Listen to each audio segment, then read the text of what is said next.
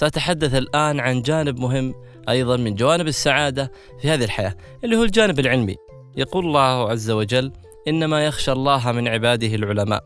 هذا الجانب من الجوانب المهمة جدا التي لابد أن يحرص الإنسان عليها والاستزادة منها وهو طلب العلم وإكمال دراسته الأكاديمية والمعرفية والتخصصية أيضا. ولها تفصيل طويل جدا ولكن سوف أذكر نقاط مهمة جدا في هذا الجانب. النقطة الأولى هي إكمال الدراسة الأكاديمية المعتادة للإنسان. فلابد الإنسان يكون عنده طموح يكمل في دراسته الأكاديمية البكالوريوس والماجستير والدكتوراه حسب ما يحب وحسب ما يحدده من تخصصات.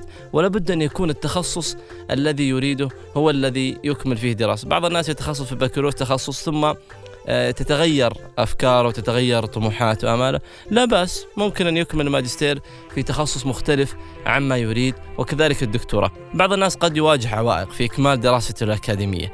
لكن هناك طرق متعددة لإكمال الدراسة الأكاديمية مثل الدراسة عن بعد أو الدراسة الإلكترونية.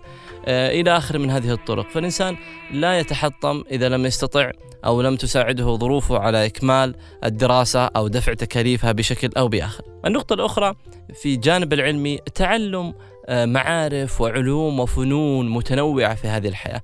مثل مثلا تعلم اللغات المختلفة والمهمة جدا مثل اللغة الإنجليزية أو الفرنسية والأسبانية آه، إذا كان الإنسان يجيد أيضا العربية. من الأساليب الجميلة في تعلم كثير من اللغات هناك طرق أيضا حسب ظروف الإنسان. يستطيع الإنسان يتعلم عن طريق السفر لبلد اللغة الأساسية أو عن طريق المعاهد الموجودة في منطقتك أو في بلدك آه، أيضا عن طريق السماع والقراءة. أو عن طريق الآن الإنترنت أصبح وسيلة تعليم رائعة جدا وبالذات لتعلم الكثير من اللغات. وهناك معاهد وهناك آه، طرق ومواقع وأساليب لتعلم اللغات. فقط ابحث عما تريد من آه، لغة. ستجد الكثير من الدروس آه، وكثير من الأفكار والكثير من المعاهد التي تعلم هذه اللغة دون أن تخرج من منزلك فضلا عن أن تسافر. اصبح طلب العلم من السهل جدا في هذا الزمن.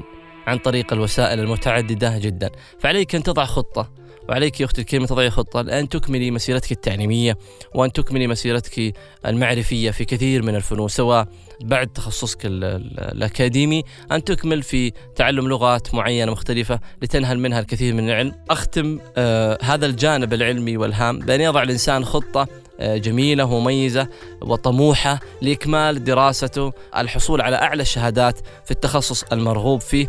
وأيضا آه، يقول الرسول عليه الصلاة والسلام: من سلك طريقا يلتمس به علما سهل الله له به طريقا إلى الجنة، فأنت مأجور أيضا في مواصلتك التعليمية، وأيضا سوف يكون لك بإذن الله مكانة معرفية عليا في الدنيا والآخرة، والعلم يرفع الإنسان وفي أعلى الأماكن وفي أفضل الأماكن في الدنيا والآخرة بإذن الله عز وجل.